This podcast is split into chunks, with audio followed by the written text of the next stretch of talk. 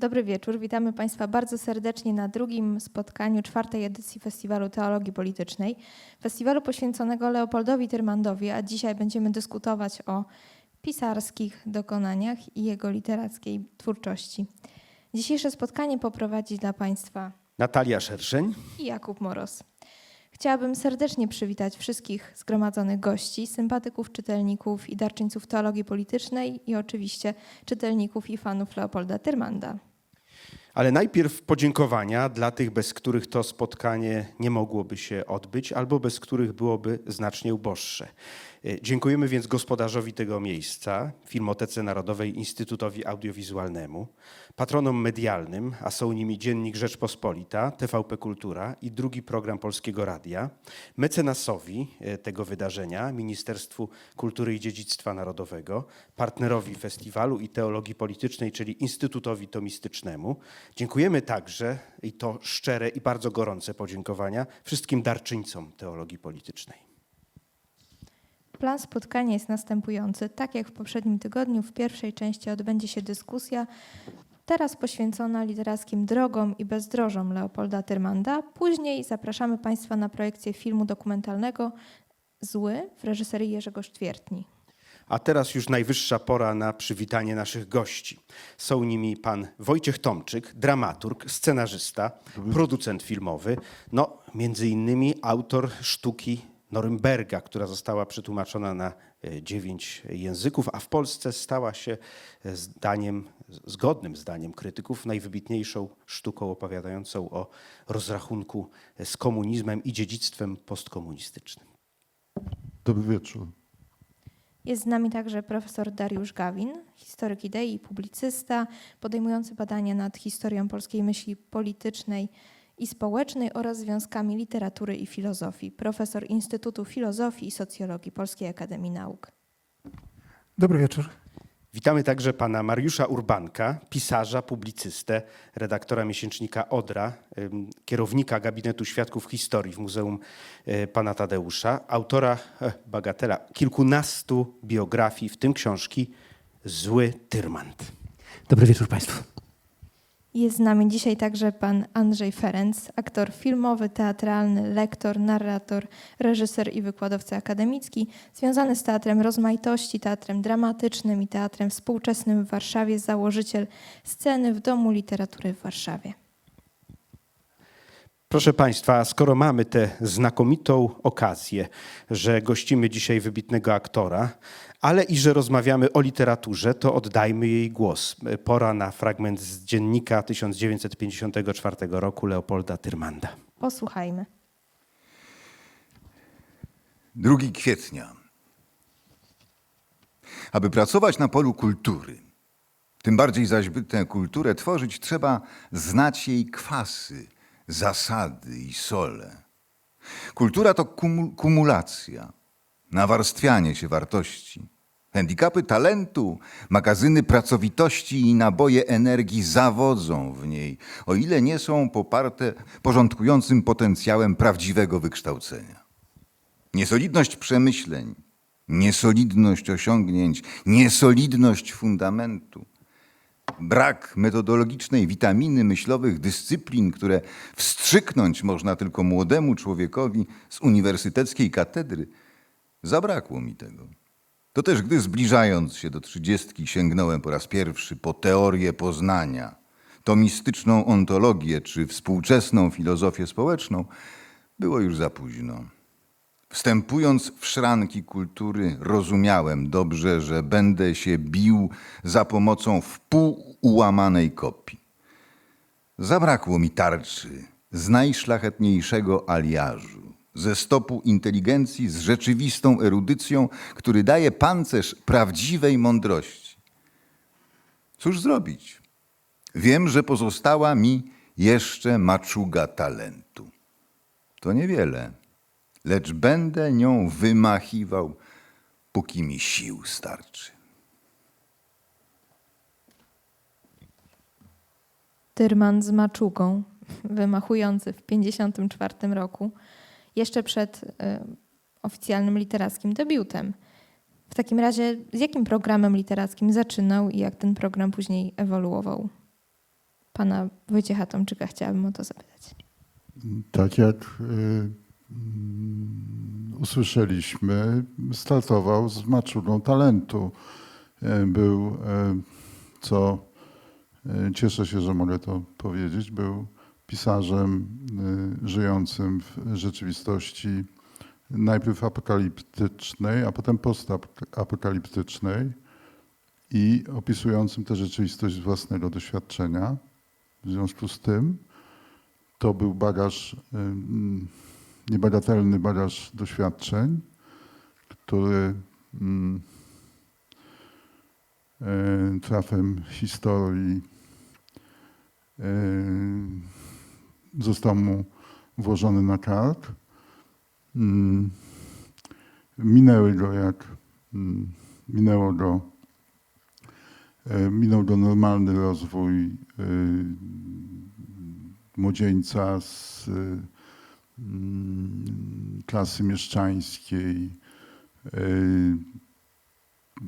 drobnej burżuazji. Natomiast został mu dany los, to się tak łatwo mówi, no pełen przygód, pełen okropnych obrazów i mm, 1954 roku, trochę głodny, trochę mm, bezdomny, mieszkający w jakiejś klitce. Y, To się ładnie mówi teraz, w Imce mieszkał. Ale to jak sobie wyobrazimy te, te warunki, tam y, kilkumetrowy pokoik, mm, jeśli sobie wy- wyobrazimy Warszawę z tamtych lat, to y, dojmujące błoto, mróz na zmianę, tłok wszędzie, y, właściwie ludzie żyjący na pograniczu głodu, to straszne hamstwo, które wówczas panowało. I do tego wszystkiego te gigantofony, te, te idiotyczne budowy w rodzaju y, pałac kultury, no to y, Mm, że się tak wyrażę, miał z czego czerpać. I mm, bardzo bezbłędnie nazwał to, no bo to maczugą talentu. Maczugą talentu, bo y, taka rzeczywistość wymagała, y, wymagała y, ostrości spojrzenia i mm, absolutnego takiego braku litości bo była bezlitosna, więc on był y, skazany, jak każdy inteligentny człowiek, na zimną analizę. I, i co? No i to pięknie bardzo prze- pokazał i w dziennikach, no i przede wszystkim w złym. A jednak, a jednak nie sposób e, oprzeć się wrażeniu, że Tyrmand nas trochę w tym przeczytanym fragmencie kokietuje. Przedstawia się jako człowiek e, bez literackiego, intelektualnego ojca. E, Człowiek, e, no właśnie, bez, bezlitosnego, bezwzględnego doświadczenia i talentu, którego stworzyły. Właśnie, a jednak, a jednak kusi, żeby historyka idei zapytać o to, z jakiej tradycji polskiej literatury wyrasta Tyrmand, z jakiej tradycji także mówienia o polskim losie, z jakiego doświadczenia, tyleż y, historycznego, co kulturowego wyrasta. Wydaje mi się, że mm, to raczej autobiografii e, posiada informacje na temat tego, co sam Tyrmand myślał na temat swoich prekursorów i z jakich, e, i z jakich e, e, m, tradycji korzystał, do czego się odwoływał i co czytał w młodości. Na pewno Ale to także wbrew jego deklaracjom. Tak, wbrew jego deklaracjom, ale jako, jako historyk idei mogę powiedzieć, że tutaj kilka rzeczy rzuca się w oczy. On e, zajmuje się czymś, co dzisiaj nazwalibyśmy e, kulturą popularną, formami popularnymi. Uprawia je w czasach, które są jak najdalsze od tego, żeby pozwalać na tego rodzaju formy. Dlatego, że uprawia dziennikarstwo, zajmuje się sportem, pisze reportaże, czy pro, promuje jazz e, w czasach stalinowskich, czyli najstraszniejszych czasach, na, najodleglejszych od kultury, jeśli tak można powiedzieć, westernu i komiksu, e, w której on się czuje jak e, ryba w wodzie. Ta ciągłość kulturowa w Polsce została przerwana. Bo niezależnie od tego, że wszystkie te formy istniały, e, istniały e, w II Rzeczpospolitej, w przedwojennej Polsce, to najpierw wojna, a potem właśnie te czasy stalinowskie spowodowały, że albo żyły w katakumbach, albo no po prostu nie, nie istniały, nie funkcjonowały. On wyrąbał sobie tą maczugą talentu taką specyficzną pozycję, dlatego że potrafił te gatunki uprawiać e, w, w tej absolutnie niesprzyjającej sytuacji i w ten sposób zbudował swoją legendę. Zbudował e, legendę, e, jeśli tak można powiedzieć, postaci związanej z pokoleniem bikiniarzy. Chociaż ja uważam, że on jest literacko o wiele bardziej wysublimowany i to jest w pewnym sensie też legenda, która była autokreacją. Bo to, jak panuje nad językiem, było w, słychać w tym fragmencie. To przecież po prostu, e, że tak powiem, błyskotliwa, e, eseistyczna forma zawarta e, w dzienniku. Jeżeli miałbym szukać kogoś, kogo bym porównał poprzez analogię, bo nie wiem, jaki miał stosunek do tej postaci, do II Rzeczpospolitej, to kojarzy mi się z Dołęgą Mostowiczem. A jako, jako, ale nie chodzi mi o samą literaturę, jeśli tak można powiedzieć, tylko o sposób, jaki e, Dołęga Mostowicz zarobił duże pieniądze na literaturze. A jedną z cech charakterystycznych, e, czy jedną, jednym z elementów programu życiowego oraz filozofii, jeśli tak można powiedzieć, społecznej Tyrmanda było to, że jeżeli ktoś ma talent, to powinien mieć pieniądze. I on, on w tym sensie był amerykański w Polsce i za złego kupił sobie Wartburga, a potem jak miał więcej pieniędzy, kupił sobie lepszy, samochód. To było oczywiste. On, ludzie go za to uwielbiali, był przecież tym arbitrem elegancji, był jakby, ale sposób postrzegania literatury jako, jako narzędzia do budowania własnej pozycji towarzyskiej, finansowej, robienia kariery, wpływania na rzeczywistość, przypominał tutaj mechanizmy, które nasz się prosi, żeby żył w kapitalizmie w Polsce.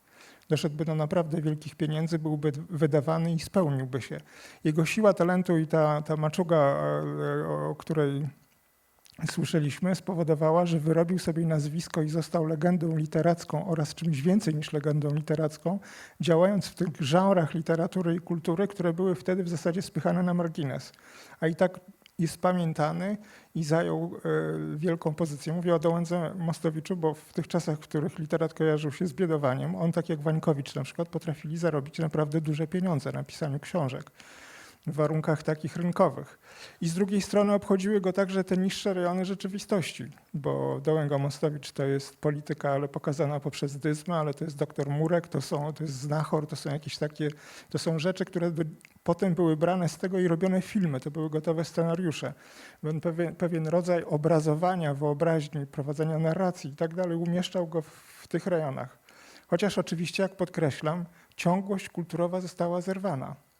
On budował na surowym korzeniu wśród ruin, przenośni dosłownie, tak jak w scenografii ruin, które są w złym. No to rzecz dla biografa. Jak o sobie mówił Tyrman? Z jakiej tradycji się wziął? Z czego wyrasta jego literatura? Ale jak pan na to także patrzy chłodnym okiem? Chłodnym okiem to, e, tak, chłodnym okiem powiem. E, Patrząc chłodnym okiem, to em, powiedziałbym tak, że gdyby ktoś Tyrmandowi powiedział, że na kimś się wzorował albo z kogoś e, wyrósł, to by się śmiertelnie obraził na tego, kto, kto to e, powiedział, bo no, taki po prostu był. Tyrm- Uważał, że jest e, absolutnie samoswój. E, Ja odrobiłem e, zadanie domowe i też sobie przygotowałem fragment, z, akurat odrobinę sprzeczny z tym, co Państwo przygotowali z dziennika 54 o pisarstwie, który brzmi następująco. Mm, Pisarz jest pisarzem, bo pisze. Jak nie pisze, to może też jest pisarzem, ale nikt o tym nie wie, najmniej on sam. Czy ja jestem pisarzem? I teraz uwaga. Y, Ja wierzę w pracę i w kumulację umiejętności bardziej niż w talent. Gdy Przekrój wydrukował mi pierwszą w życiu nowelę, nazywała się Niedziela w Stavangar, poczułem zapach y, popularności, spodobało mi się, nie przeczę, nie będę ukrywał, od razu wiedziałem, że mnie y, za to zatruło, że świadomość tożsamości szerszej niż tylko dla krewnych i znajomych to narkotyk. A potem e, koniec tego akapitu dużo bardziej dramatyczny i rzeczywiście mm, opisujący to, e, jak Tyrman w tamtej rzeczywistości mógł funkcjonować. Tymczasem postawiono mnie na starcie do decydującego biegu o wielką nagrodę i starter zamiast ślepakiem w górę strzelił ostrym nab- nabojem prosto w moją nogę. Nie dano mi żadnych szans, nie pozwolono mi nawet pobiec ze stawką mego pokolenia. Bym się przekonał, że się nie liczę, że żaden ze mnie pisarz. To, jest, to, to były słowa Leopolda Tyrmanda. Natomiast szukając takiej, em, takich korzeni tożsamości, to z jednej strony to mm, gdyby potrzebne było jedno nazwisko, to patrząc kto jest najczęściej przywoływany w dzienniku 1954, e, do kogo e, Tyrman się odwołuje, o kim pisze bardzo akceptująco, to jest Ernest Hemingway. I to jest ten sposób e, narracji. Absolutnie znaczy, y, Tyrmand w historii polskiej literatury na pewno by się nie zmieścił e, obok Zofii Naukowskiej i Elizy Orzeszkowej, ponieważ naj, najsłabsze, co było u niego, to są, to są y, opisy, mówiąc szkolnym językiem, opisy przyrody. On był, on był genialny, jeśli chodzi o charak- charakterystykę postaci, był fenomenem absolutnym, jeśli chodzi o, o, budowanie, e, o budowanie dialogów. I to jest to, o, czym mówi pan profesor, to jest taka ta, e, komiksowe podejście trochę do, e, do pisarstwa. E, I żeby jeszcze skomentować ten fragment o strzeleniu mu przez em, startera puszczającego zawodników do biegu, czyli tych, którzy w 46, 7, 8 em, startowali do literatury, a Tyrmandowi tej szansy e, e, nie dano, to jest to, że Tyrmand ze względu na swoją e, osobowość, ze względu na to, e, jak zachowywał się względem no, środowiska literacko-dziennikarsko-aktorskiego ówczesnej Warszawy, które mówiąc ostrzej e, kolaborowało, mówiąc łagodniej było mocno oportunistyczne, a on pokazywał, że nie trzeba, żeby przeżyć i nie umrzeć e, z głowy, e, z głodu, to w związku z tym od razu potraktowano go jako twórca literatury, e, literatury B, e, literatury e, dla, już odnosząc się do tych tradycji Dołęgi Mostowicza, dla, dla kucharek. I nawet to znalazło najświetniejszy wyjazd, wyraz w czasie późniejszym, kiedy odbyła się w istocie jedyna poważna debata nad twórczością Leopolda Tyrmanda w, w twórczości, kiedy ukazały się dwa eseje na początku lat 60. Stefana Kisielewskiego i Andrzeja Kijowskiego. Kisielewski bronił, że geniusz, że świetne, po, świetna literatura, że doskonały obraz epoki. No, e, Kijowski użył wtedy tego lotnego zwrotu, który do dzisiaj się ciągnie za Tyr- Tyrmandem, czyli że Balzak dla y, gówniarzy, ale odebrano to w taki sposób. No, Kijowski to był po prostu ktoś wtedy w krytyce literackiej, a Stefan Kisielewski był Stefanem Kisielewskim, czyli człowiekiem, którego wszyscy y, kochali i czytali, ale nikt nie słuchał. No i, i ta opinia ukłuta y, na początku lat 60. właściwie się ciągnie za Tyrmandem do dzisiaj. Jeśli można to powiedzieć, ja powiedziałem o Dołędze Mostowiczu po to, żeby zbudować analogię z tym, że literatura służy do robienia kariery także. Tak jak robienie filmów e, można potraktować jako karierę. I człowiek nie powinien się wstydzić, jeżeli robiąc karierę osiąga także wszystkie te rzeczy, które w społeczeństwie są kojarzone jako materialne oraz statusowe potwierdzenie kariery. To znaczy, że trzeba znać piękne kobiety, że mieć szybki samochód, że jakby, że kiedy się idzie po krakowskim przedmieściu czy Nowym Świecie, to y, y, najbardziej gorące nazwiska Warszawy przystają, żeby zamienić dwa słowa i tak dalej. To było, mówię o tym dlatego, że to było zachodnie. On starał się być zachodni nawet w PRL-u. Używał do tego instrumentu literatury popularnej, chociaż uważam, że Tyrmanda było dużo więcej. Bo on chociaż portretował w salonie pani Stoll w, y, w życiu towarzyskim i obyczajowym, y, mebluje go takimi ludźmi, którzy, nie wiem, tam mógłby przyjść Kazimierz Brandys i, i, i robić za wielkiego literata, który przed chwilą wydał listy do pani Z, prawda, i się za, za, zastanawia nad losem ludzkości.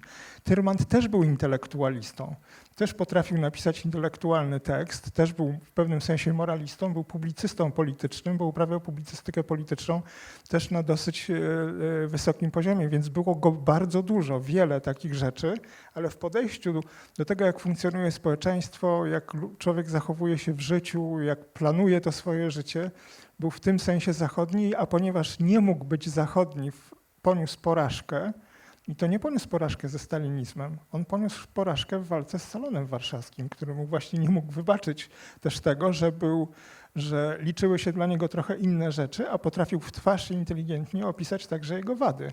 No w końcu życie towarzyskie i obyczajowe nie wyszło nie dlatego, że tego nie chciała cenzura polityczna, tylko wpływowe osoby, które wydawały w Warszawie książki i kierowały dużymi wydawnictwami, ponieważ naruszało to jakieś osobiste interesy i było traktowane jako trochę nieprzyzwoite. Paradoks tej sytuacji właśnie polega na tym, Nie, no, że to nie były lata 50., tylko 60., czyli czasy małej stabilizacji.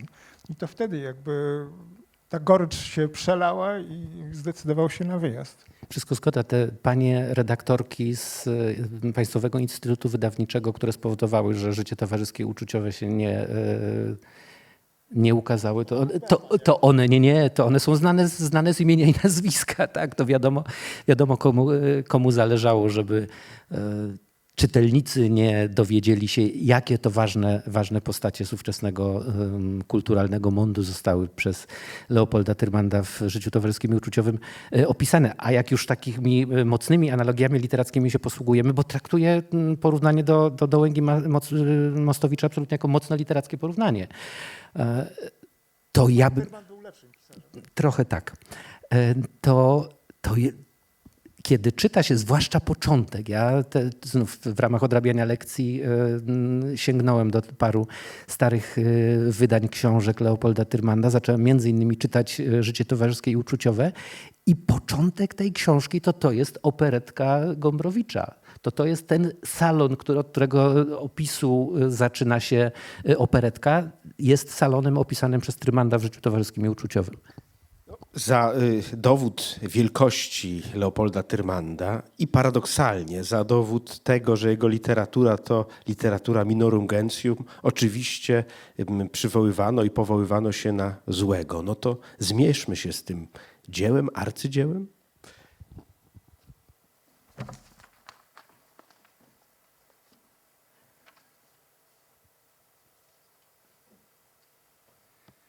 Żyjemy tu, w Warszawie, życiem tramwajowym. Znaczy to, że w naszej warszawskiej epoce tramwaj wzniósł się do roli symbolu. Oczywiście. Tramwaj wyraża miejską jednostkę komunikacyjną, taką samą jak trolejbus czy autobus. Mówi się, żyjemy życiem takim czy innym wtedy, gdy owo życie dobywa z człowieka jego najistotniejsze cechy. Czyli, że w zetknięciu z nim człowiek objawia się w całej okazałości. Przepełniony irracjonalnie tramwaj warszawski stanowi doskonały odczynnik. Przekonujemy się w nim codziennie, jacy jesteśmy i jak bardzo żyjemy życiem tramwajowym. W chwili, gdy najbliższy bliźni demoluje nam śledzione, unicestwia czar dopiero co kupionego płaszcza, niweczy z trudem przyszyte guziki, gasi brutalnie przepiękny połysk żarliwie wyczyszczonych butów, gniecie na miazgę wiezione dla dzieci ciastka, uśmiecha się przepraszająco, pakując nam w usta rękaw od kurtki, w której przed chwilą czyścił kominy lub wypakowywał stare śledzie. W takiej chwili, powtarzam, instynkty, jak działa żaglowej fregaty, wysuwają się groźnie z burt naszych dusz. Wtedy dopiero spostrzegamy z przerażeniem, jacy potrafimy być pierwotni, dzicy, egoistyczni, kłótliwi, nietolerancyjni, zaślepieni, krótkowzroczni. Z drugiej strony, Ileż wspaniałych wartości dostrzegamy naraz w życiu, gdy uda nam się wepchnąć jako ostatni do rozchodzącego się w szwach autobusu, gdy przygodny sąsiad, wisząc na stopniu, odstąpi nam trzy centymetry kwadratowe miejsca. Akurat tyle, by postawić na nich szpic buta. Gdy złapany rozpaczliwie za krawat, ten, który już do połowy tkwi w środku, uśmiechnie się bez pretensji i przygarnie nas mocnym ramieniem. Gdy wreszcie starsza pani, której prąd ku wyjściu strąciliśmy kapelusz, porwali wstrzępy gazety i wgnietli całą zawartość siatki z masłem, jajami i marmoladą w biust, uśmiechnie się z tramwajową melancholią i powie smutne, lecz przebaczające, nie szkodzi. Wtedy widzimy, jak dalece potrafimy być solidarni, wyrozumiali, ludzcy i coś ciepłego rozpływa się nam jak słodka, rozgrzana czekolada koło serca. Nic nie wzbudza w nas tak nieprzytomnej złości i bezmyślnej chęci awantur, jak niekończące się wyczekiwanie na wypchane ludźmi trolejbusy, do których nie można się dostać. Jak tempota, brutalność i nieuprzejmość w tramwaju. O nic nie będziemy się sprzeczać i kłócić tak namiętnie, jako grubiaństwa współpasażerów i bezduszną wrogość konduktorów. Ale też nic nie wzbudza w nas takiego uczucia zadowolenia, satysfakcji i wygody, jak widok wyczekiwanego numeru na ulicznym horyzoncie i stwierdzenie, że znajdziemy w nim miejsce siedzące. Tramwaj wyzwala w nas dziś w Warszawie cenną bezpośredniość przeżywania. I dlatego żyjemy tu w Warszawie życiem tramwajowym.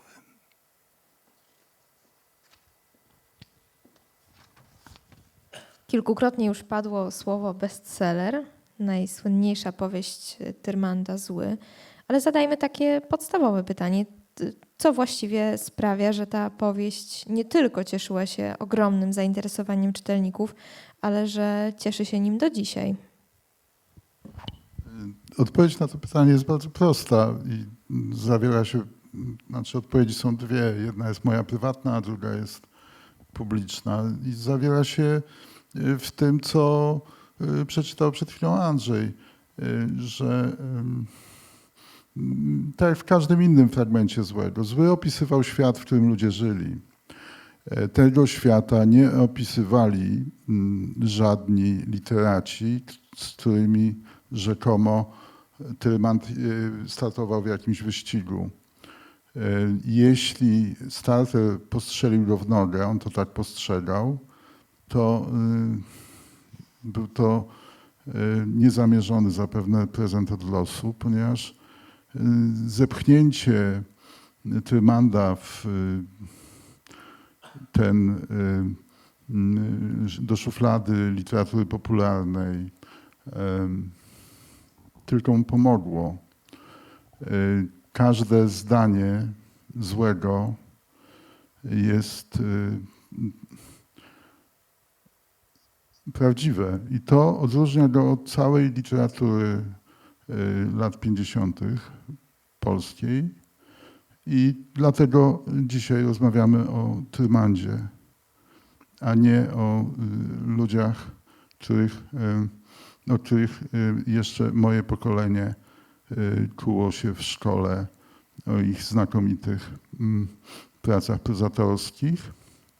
To jest jedno. A druga moja zupełnie prywatna odpowiedź jest taka, że polska kultura jest, y, polska literatura jest właściwie y, mm, literaturą y, jednego mitu, który dominuje w niej.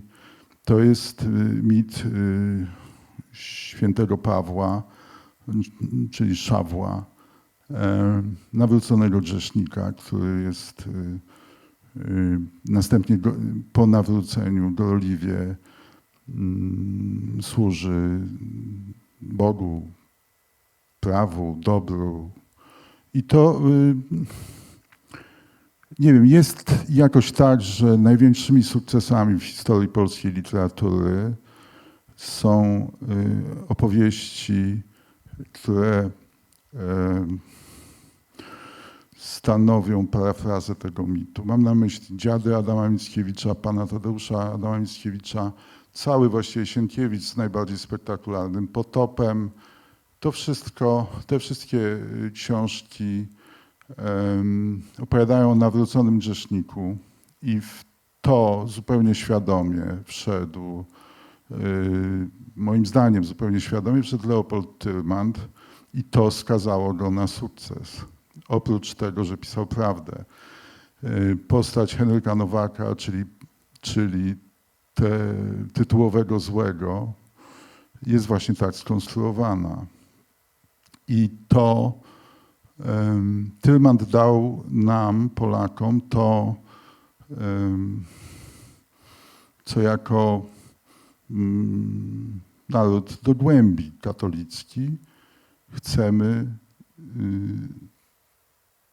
myśleć o sobie, że z każdego dna, z każdego upadku y, możemy się podźwignąć, odkupić każdą winę i następnie przejść do historii i pan Tylman to nas napisze powieść, która będzie arcydziełem. No właśnie, bo co jest takiego, jaką sprawę ma dzisiejszy czytelnik z tą powieścią, że, że nas ta proza porusza, że nas bierze, że się w nią zanurzamy. Przecież nie czytamy y, literatury poza historykami literatury, y, historykami y, tak po prostu, po to, żeby dostać jakiś zrekonstruowany fragment świata, który już nie istnieje, ale żeby się zanurzyć w coś żywego. Co tu jest żywego, co przetrwało próbę czasu? Mówił o tym, e, zaczął mówić Wojtek, a to są takie archetypy, które równie dobrze też sięgają do, e, do kultury mm, popularnej i wysokiej. Po pierwsze, to jest po prostu bardzo dobrze napisana, wciągająca, chociaż bardzo gruba książka. Ja sam pamiętam, jak byłem na studiach, e, to były lata 80. i nie można tego było kupić. Więc złego pierwszy raz przeczytałem chodząc do biblioteki publicznej na Koszykowej. I codziennie czytając po kilkadziesiąt stron przeczytałem całego złego, bo nie mogłem go inaczej zdobyć. Zresztą też muszę się przyznać, że w taki sposób przeczytałem pierwszy tom dzienników Gombrowicza chodząc do biblioteki wojskowej w Aleje Wojska Polskiego, wtedy na Szuchach, gdzie takie bezdebitowe rzeczy dawali na, na rewers do czytelni. To były takie, dzisiaj to, to się zupełnie inaczej robi, ale jak rozumiem, że jeżeli cały czas to jest wydawane, to ludzie to kupują, bo żyjemy w wolnym rynku, więc jeżeli by nie kupowali, to by nie wydawano. Więc to jest po pierwsze bardzo dobrze napisane. E, e, Wojtek sięgnął bardzo głęboko. Ja bym powiedział, że a z, z drugiej to są archetypy, jeśli tak można powiedzieć, prawda? Ten archetyp polski tutaj nawróconego grzesznika, ale jest też anonimowy mściciel, prawda? Przecież to jest Batman. To jest, taka, to jest, kultura, to jest kultura popularna, to jest, to jest Nowak, czyli tak, na, tak naprawdę Mister Nobody, prawda? Taki ka każdy to jednocześnie wieczorem coś na siebie nakłada albo coś mu się staje w osobowości takiego, że staje się mścicielem wszystkich krzywd. I to jest archetyp, na którym znowu, który z wielkim powodzeniem mm, y, wykorzystuje, czy wspaniale opowiada ta kultura masowa amerykańska od, od, od w zasadzie prawie 100 lat, bo ci, bo, bo ci superbohaterowie to jest coś, co ma już prawie 100 lat, przecież to się zaczęło przed, y, przed drugą wojną światową i teraz świat czeka na kolejnego Batmana. Zdaje się, że znowu została przesunięta kolejna wielka, wielka mm, y, y, premiera filmowa, tak jak Duna, jak, jak, jak, jak, jak, James Bond. Więc w tym sensie literatura, która sięga, można opisać poprzez bardzo głębokie pokłady, poprzez takie pokłady, które odwołują się do kultury popularnej. Ale na koniec chciałem powiedzieć, że oczywiście to się zawsze mówi o tej popularnej wyobraźni, właśnie komiksowej, czy takiej właśnie, czy, czy, że zły jest w pewnym sensie komiksem czy filmem amerykańskim przeniesionym do Warszawy lat 50., ale z drugiej strony znów, przecież to jest bardzo literackie. To jest bardzo literackie, ta, ten fragment, który mnie to zawsze uderzało. Ja się nie do końca zgadzam. W złym jest strasznie dużo opisów przyrody w cudzysłowie, czyli na przykład krajobrazu Warszawy, ulic i tak dalej. Zawsze mnie to też fascynowało, że w zasadzie to nie nuży w trakcie tej lektury.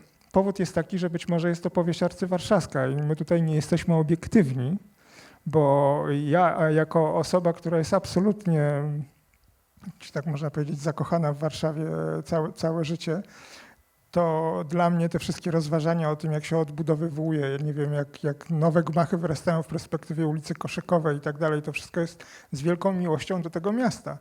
Jednocześnie przecież tam nigdy się kościoły, znaczy nie poja- kościoły się pojawiają jako architektura, księdza nigdy nie ma, nie wiem, to wszystko, bo to jest taka rzeczywistość, która jest też tak preparowana, tak żeby pasowało do tego, do tego literackiego pomysłu. Pojawia się ko kościół na Łazienkowskiej. No, Kościół powiedziałem jak architektura, ale re, religijność tak nie pojawia u Utermanda jak w 40-latku. Też nigdy księdza po kolędzie nie ma u Karwowskich.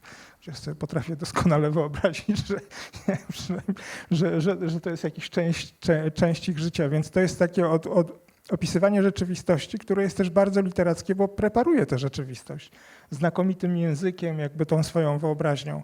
I w tym sensie posługiwał się tym narzędziem literatury popularnej, co najbardziej widać w złem, i z tego powodu został zapamiętany, bo był w tym, nie wiem na ile świadomy, ale program, który potem, 20 lat potem, y, ludzie z pokolenia Barańczaka i Kornhausera nazwali przedstawianiem świata nieprzedstawionego. Tylko, że im chodziło o coś innego i to musiało być zawsze z patosem, bo robili to równolegle do kina moralnego niepokoju. Tutaj to było bardziej rozrywkowe i żywiołowe. Nieprzypadkowo też takie, mm, taki program literacki miał jego przyjaciel Stefan Kisielewski, który postanowił przedstawić świat nieprzedstawiony. Widziane z góry to była polityka e, komunistów, po prostu ludzi w Białym Domu, w KC, to jak oni robią politykę na co dzień, ale to, to, to, to było jakby inny poziom. Bliżej zbli, e, jakby zbliżył się do tego programu w, w Cieniach w Pieczarze, gdzie w zasadzie było esejem o niemożności napisania książki o tym, jak się przebywa w Sopocie i o społeczeństwie, które się widzi, znaczy o młodzieży na przykład wychowanej w PRL-u i tak dalej. Przedstawianie tego, co nie przedstawione. Dziwną analogię też widzę, chociaż to może dotyczy bardziej już życia towarzyskiego i uczuciowego, bo to jest, to jest coś, co potem Andrzejewski chciał w Miazdę zrobić, ale Miazga miała przedstawić społeczeństwo polskie, tylko że on się zawsze posługiwał tym rodzajem bardziej popularnego podejścia.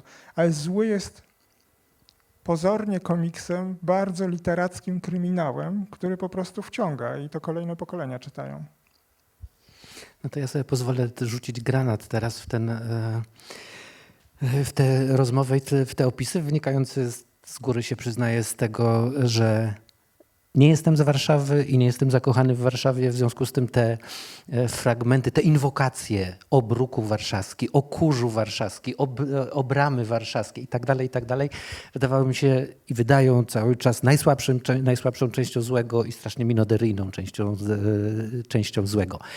Ta książka jest dalej czytana i zaraz mnie zakrzyczycie. Ta książka jest dalej czytana i będzie czytana, bo to jest legenda. To jest zwyczajnie, zwyczajnie legenda, już, już nie traktowana chyba w kategoriach literatury, tylko, tylko y, legendy tamtej y, Polski. I rzeczywiście ona, jej wielki sukces, najpierw w Polsce, potem w tak zwanych demoludach z wyłączeniem oczywiście Związku Sowieckiego i e, NRD, a potem także na Zachodzie, polegała na tym, że mm, w tej książce Tyrman opisał, opisał Polskę, która oficjalnie nie istniała. W gazetach ludzie e, maszerowali w pochodach e, z transparentami wyrażającymi wdzięczność Stalinowi za dar serca, jakim jest mm, Pałac Kultury i deklarującym wieczną przyjaźń ze Związkiem, Związkiem Radzieckim, a w drugą stronę szedł Leopold Tyrman z transparentem mam to w nosie albo dużo brutalniej mówiąc. Po prostu pokazał Warszawę, za nią Polskę, ruin, prostytutek, gangów, czarnego handlu. To wszystko było nowe, nieobecne, a ponieważ ludzie lubią czytać o sobie, więc się na tę książkę e, rzucili. I żeby dołożyć jeszcze już takich głębszą e, źródła, analogię do, Wojtek mówił o tym archetypie świętego Pawła, Szawła zmieniającego się świętego e, Pawła. Pan, pan profesor mówił o Batmanie.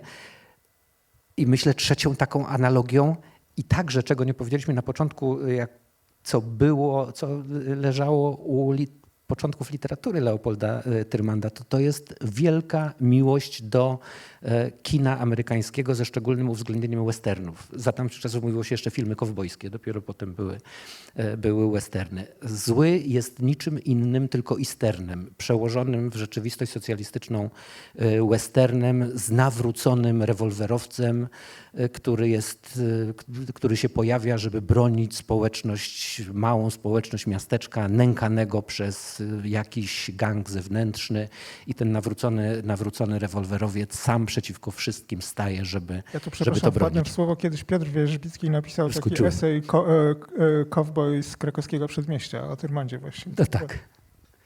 No dobrze, ale y, skoro możemy wyłuskać coś, co mogłoby się zdawać programem literackim Tyrmanda, w czym z pewnością ważną rolę grałoby, grałyby te motywy przewijające się nieustannie w naszej rozmowie, a więc przedstawianie rzeczywistości nieprzedstawionej. Przed Barańczakiem. Y, No, skoro padło nazwisko Hemingwaya i rzeczywiście jakiś rodzaj romansu ze stylem reportażowym y, tu znajdziemy, y, to dlaczego jednocześnie Tyrmand, choćby w przedmowie do opowiadań wojennych z hotelu Ansgard, pisze o zacieraniu się fikcji i rzeczywistości. Po co mu jest ta gra potrzebna? Czemu służy? Ja jeszcze na chwilę wrócę do złego, y, bo bardzo lubię złego i pozwolę się sobie nie, nie zgodzić. To nie jest, y, y, to nie jest western, to jest oczywiście, no te źródła komiksowe są oczywiste, to, to jest komiks Shadow, czyli cień, to, to są natychmiastowe skojarzenia, które które przychodzą y, na myśl, ale to jest, y, przypomnę, postać y, głównego antagonisty tej powieści, to jest Filip Melynos i to jest założyciel mafii. To jest historia mafijna. Tu nie mamy do czynienia z małym miasteczkiem terroryzowanym przez grupę rewolwerowców, tylko to jest mafia, która wnika w struktury państwa. Na to mm, i to jest wszystko opisane tak, jak mogło być opisane w latach 50., to znaczy te struktury państwa, w które wnika, wnika mafia, to, to jest Polski y, Związek Piłki Nożnej. Y, No trudno odmówić y, trafności temu strzałowi i powiem więcej, pewnego, pewnej ponadczasowości. Natomiast dokończę też moją myśl y, o tym, że że jest to powieść głęboko y, chrześcijańska, ponieważ Kościół y, na Łazienkowskiej, który w tym czasie i jeszcze długo potem był, y, pozostawał w ruinie, a nawet teraz elementy tej ruiny zostały szczęśliwie zachowane, jest zwieńczeniem jednej z, z, ze scen, byśmy nazwali w świecie y, kinowym punktem zwrotnym. Otóż po napaści złego na, y, na grupę chuliganów y, pod Torwarem, jednego z nich, o ile pamiętam, Strycia, goni przez podziemia hali Torwar i tam go gdzieś dopada, katuje, a następnie pieczołowicie i troskliwie wynosi stamtąd i kładzie go na schodach świątyni. No to jest, to jest powieść głęboko chrześcijańska. Ja bym tak to widział. I zresztą to nie ja jestem y, odkrywcą tego, bo, bo akurat ważności tej sceny, bo przecież y, Zygmunt Miłoszewski tam właśnie zaczyna swoją najlepszą do tej pory powieść, jeden z najlepszych kryminałów y, w historii, y, Uwikłanie. Tam właśnie zaczyna tę powieść.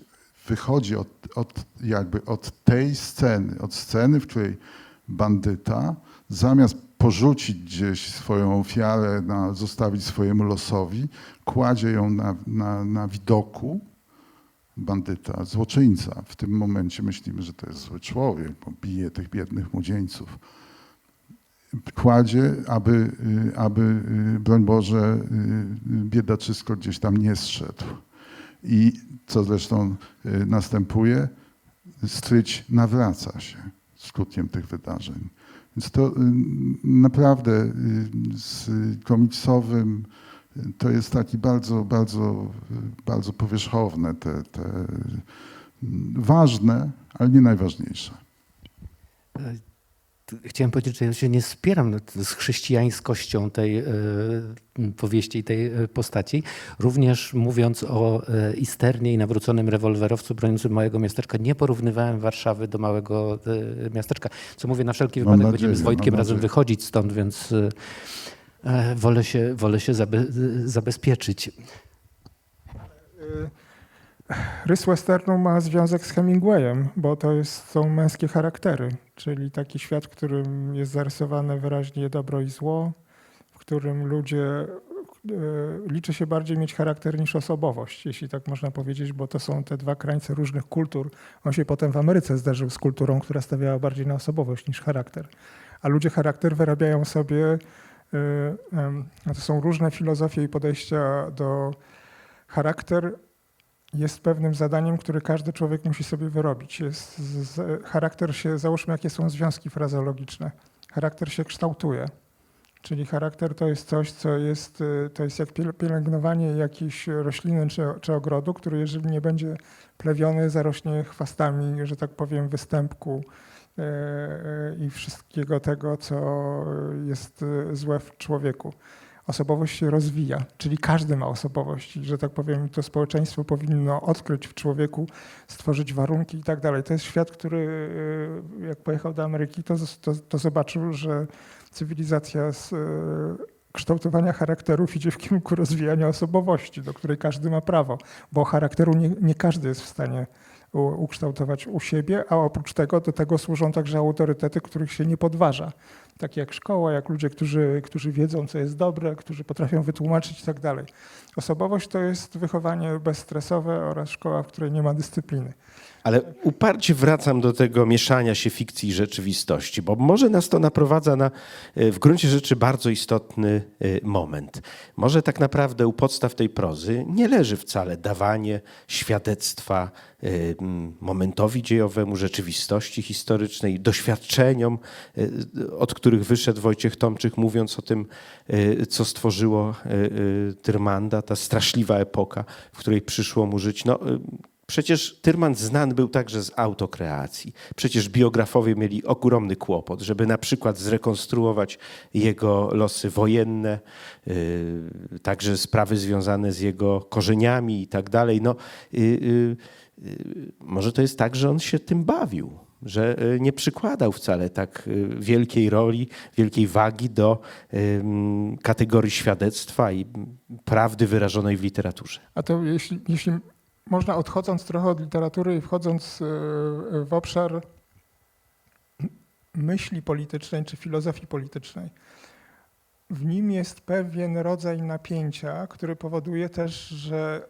dlatego wydaje się ludziom interesujący po latach, dlatego że kategoriach filozofii politycznej jego poglądy, te, o których mówił Wojtek, ale te, które też, e, którym dawał e, wyraz jako publicysta, określane, czy już w ogóle nie mówiąc o tym, co pisał, kiedy był w Stanach, są określane jako konserwatywne. Natomiast wszystkie te e, formy, którymi się posługiwał, kojarzą się z nowoczesnością i to taką, która z konserwatyzmem ma na ogół kłopot. E, Bo kultura popularna, e, e, bo jazz, bo pewien stosunek do, że tak powiem, obyczajowości, w tym także seksualnej, był taki, który z konserwatywnym się nie kojarzy. To powoduje, użyłem słowa napięcie, chociaż profesor Legutko kiedyś powiedział, że nie należy używać tego słowa. napięcie, czy sprzeczność, jakkolwiek to nazwijmy, która jest in- intrygująca i interesująca.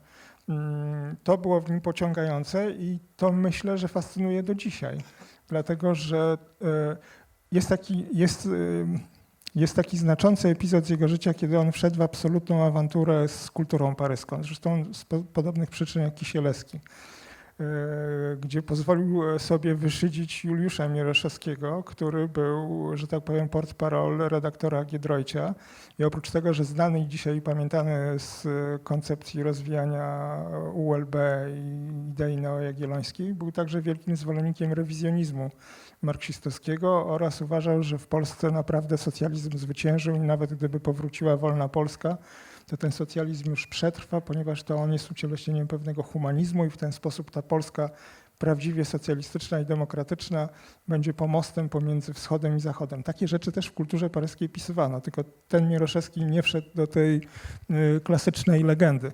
I, I Tyrman go strasznie wyśmiał. Powiedział, że dla zachowania kultury więcej robi pepesowski stary kolejarz i jakaś młodzież w Warszawie, która słucha jazzu i tak dalej, że ludzie gdyby mogli w, w jednej chwili zdecydować o swoim losie, to po prostu wyrzuciliby cały ten eksperyment, jakim jest Polska Ludowa ze wszystkimi jego ideałami na, na śmietnik mm, e, historii. Więc był był dandysem, był bikiniarzem, bo taka jest legenda jego jakby literacka, może autokracja też, jak pan powiedział, a jednocześnie... Gniarzem nie był. Znaczy nie, inaczej. Był, był, y, był uznawany, znaczy nie był bikiniarzem oczywiście, bo się ubierał Znaczy, po się- angielsku, tak. W tym sensie był elegancki, ale taką mu przyprawiano gębę, mówiąc Tak, Gombrowicza, i tak już był- jest okej. przyprawiano mu taką gębę i, ta, y, y, i tak część, sporo ludzi go pamięta. Tu zareklamuję nasze poprzednie spotkanie z ubiegłego e, tygodnia. Te kwestie już definitywnie rozstrzygnęliśmy. Tak, o- z tym, że o ile pamiętam, właśnie też, nie wiem, jazz lubił bardziej tradycyjny, a ten, a ten który rodził się w latach 60., czyli ten spod znaku komedy, granie Bacha, nie wiem, takie i tak dalej, to nie były rzeczy, którego On się, on się wychował na jazzie mm, Dixielandowym rzeczywiście w, w, w Paryżu. Jazz nowoczesny, mm, ten z przełomu lat 40. i 50., początku, kiedy się me- melomani tworzyli z okresów pierwszych międzynarodowych festiwali w Sopocie, to był, to był y, jazz, który traktował absolutnie ja, ja, ja chcę tylko dopowiedzieć, żeby to było wyraźnie, bo, bo trochę odbiegłem od tematu, od, od tej wypowiedzi e, Wojtka. Tyrmanda było bardzo dużo, było bardzo dużo warstw. Na, e, tej- na tym takim potocznym odbiorze, na którym jest po prostu postacią fas- fascynującą i legendarną i można to zilustrować kilkoma hasłami i zdjęciami, to jest po prostu osoba, która była prekursorem kultury popularnej. W głębszym poziomie to był na przykład publicysta polityczny, ale to był także, mi się tak wydaje, bo Wojtek do tego e, nawiązywał, mówiąc o chrześcijaństwie, myśliciel. Myśliciel. W takim sensie, że można byłoby z tego też jakąś filozofię głębszą e, wyciągnąć. I ten Hemingway wtedy też jest nieprzypadkowy. Jakieś e, fascynacje westernem też są nieprzypadkowe, bo za tym było coś więcej. To nie chodziło tylko o to, że filmy z Garym Cooperem są dobrze zrobione, czy że opowiadania Hemingwaya są takie męskie, o, o tym, że nie wiem, śniegi Kilimandżaro, czy jakieś tam inne, że to jest ludzie zmagający się z zagrożeniem i, i, i z przyrodą i zwyciężający w samotności. To było coś więcej. Nie, zdecydowanie tak. No, ktoś, kto chciałby Tyrmanda opisać jednowymiarowo, e, mocno by się na tym przewiózł. I to pod każdym względem. Także e, przypisywanie Tyrmandowi to konserwatyzmu w, czasie, w czasach amerykańskich jest prawdziwe i jest fałszywe, bo podejrzewam, że miłośnicy e, kina, gdyby zajrzeli do kronik kulturalnych, które redagował w Instytucie Rockford i poczyt, przeczytali tam recenzje po prostu zjeżdżające równo przy trawie filmy Altmana, Francisa Forda Coppoli za ich nowoczesność i awangardowość, bo zjeżyłyby im się e, włosy na głowie. Z drugiej strony ten konserwatyzm to był czymś takim, gdzie e, u mnie w czasie studiów profesor od e, idei e, politycznych i prawnych mówił, że zawsze nie ma nic bardziej postępowego niż konserwatyzm, bo rewolucje najpierw muszą coś mocno zniszczyć, a potem z trudem i dumnie odbudowują i wracają do punktu zero.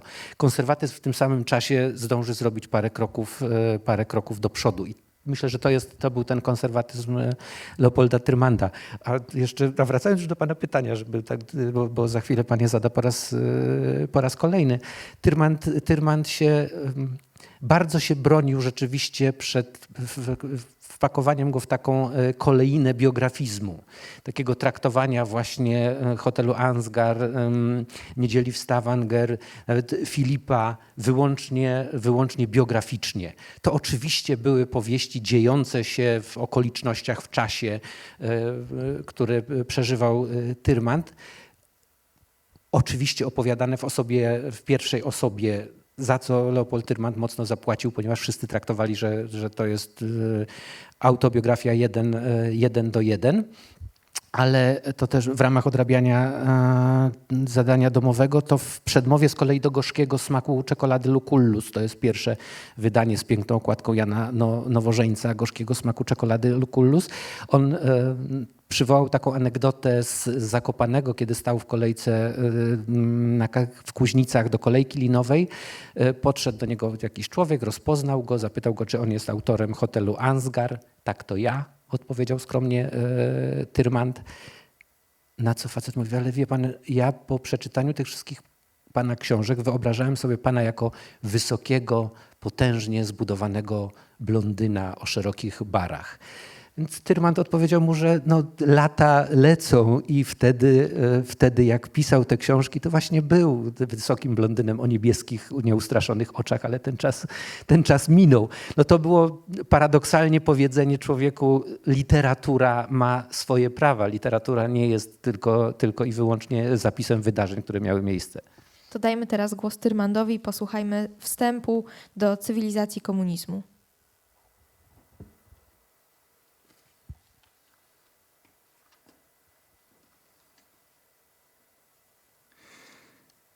Ta książka nie ma pretensji naukowych, ani publicystycznych, ani dziennikarskich. Ma pretensje literackie. Mimo to nie jest ani beletrystyką, ani literackim esejem. Jest ona pamfletem na komunizm. Zamierzonym przejaskrawieniem istniejącej rzeczywistości. Uważam komunizm za najgorszą plagę, jaka spotkała ludzkość i żywię głęboką nadzieję, że książka ta odzwierciedla moje uczucia w odpowiednim stopniu. Czy znaczy to, że pamflet wykrzywia prawdę? Ani trochę. Komunizm jest zjawiskiem, wobec którego obiektywizm jako metoda wyjaśniająca jest śmieszny w swojej nieporadności. Uważam, że pamflet jest jedyną, przynajmniej na razie, metodą prawidłowego wyjaśniania komunizmu. Moim zdaniem książka moja jest prawdziwsza od setek obiektywnych rozpraw i pewny jestem, że miliony ludzi zgodzą się ze mną. Czy można obiektywnie wyjaśnić system prawny, w którym oskarżyciel ma zawsze rację?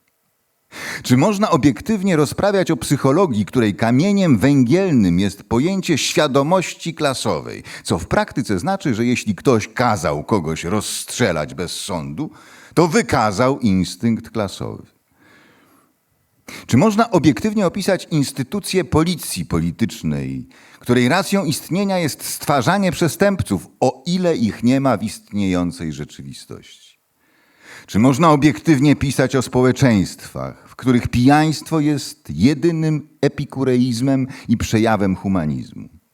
Czy można obiektywnie badać ekonomię, która brak chleba tłumaczy okolicznością, że z każdym rokiem więcej ludzi je chleb?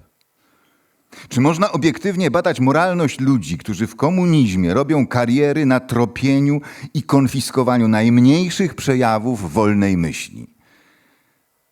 Czytając tę książkę, wielu powie, że przerysowuję. Zniekształcam, popadam w groteskę i operuję efektem surrealistycznym. Chyba tak. Ale do tłumaczenia komunizmu realizm jest tak przydatny, jak rower do lotu na księżyc. To jest tak niesamowity fragment, że w zasadzie y, trudno wyłowić jedną myśl, od której można zacząć. Wydaje mi się, że tutaj trzeba by było skupić się na kilku kwestiach. Pierwsza taka, że Tyrmand nawraca cały czas do przekonywania czytelników o wartości swoich tekstów. Przekonuje nas najpierw w dzienniku o maczudze talentu, którą dzierży w dłoni, którą będzie wymachiwać. Tutaj przekonuje nas, że miliony czytelników się zgodzi z nim, że jest to najodpowiedniejsza forma pisania o tym właśnie temacie.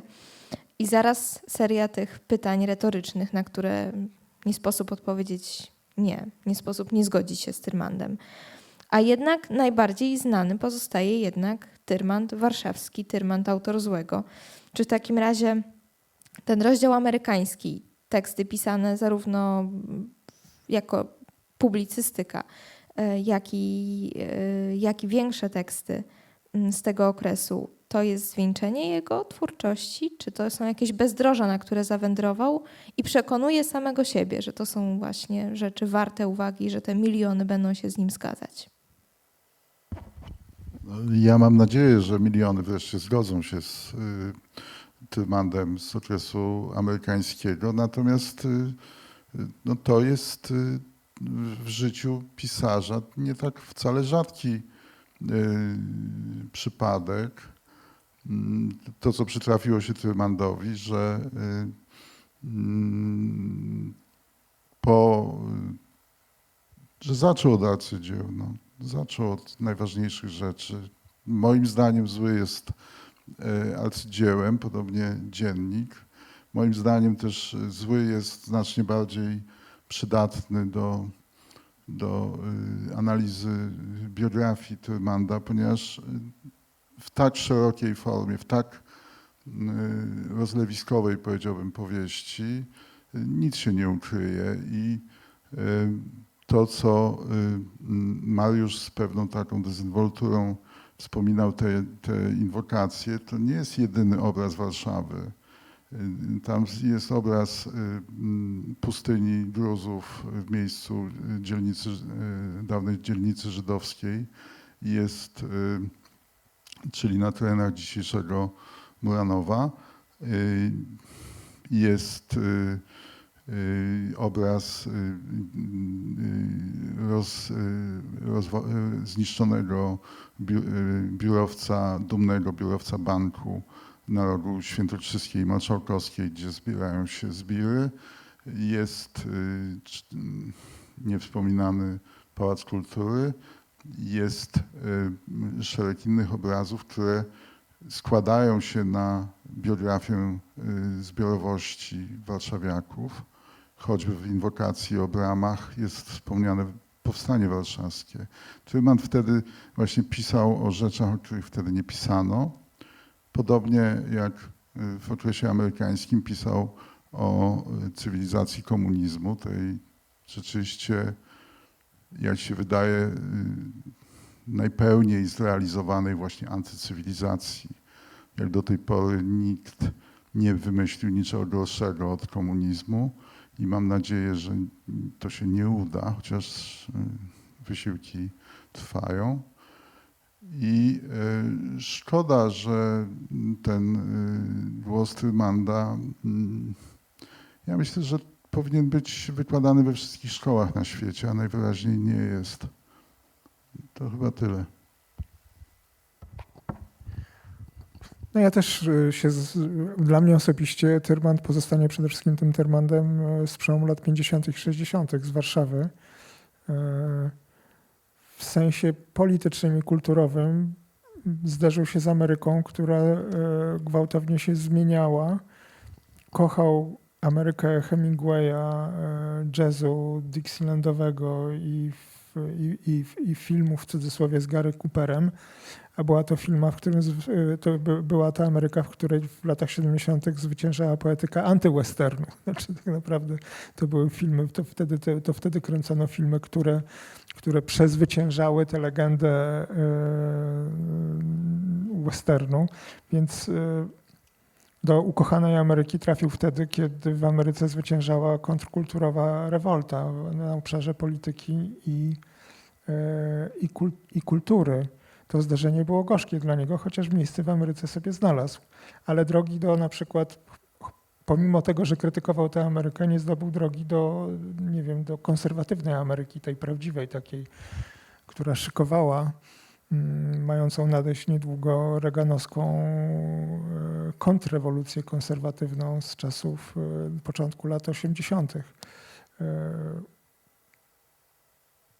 No tak, tak jak, tak, jak, tak jak Wojtek powiedział, ja też się zgadzam, że dla mnie ten Tyrmand warszawski jest, jest decydujący, chociaż politycznie to, co pisał w Ameryce, budzi moją sympatię, ale jako, jako twórca, jako, jako pisarz osiągnął wyżyny, tak jak powiedziałem, na przełomie lat 50. i 60. tutaj.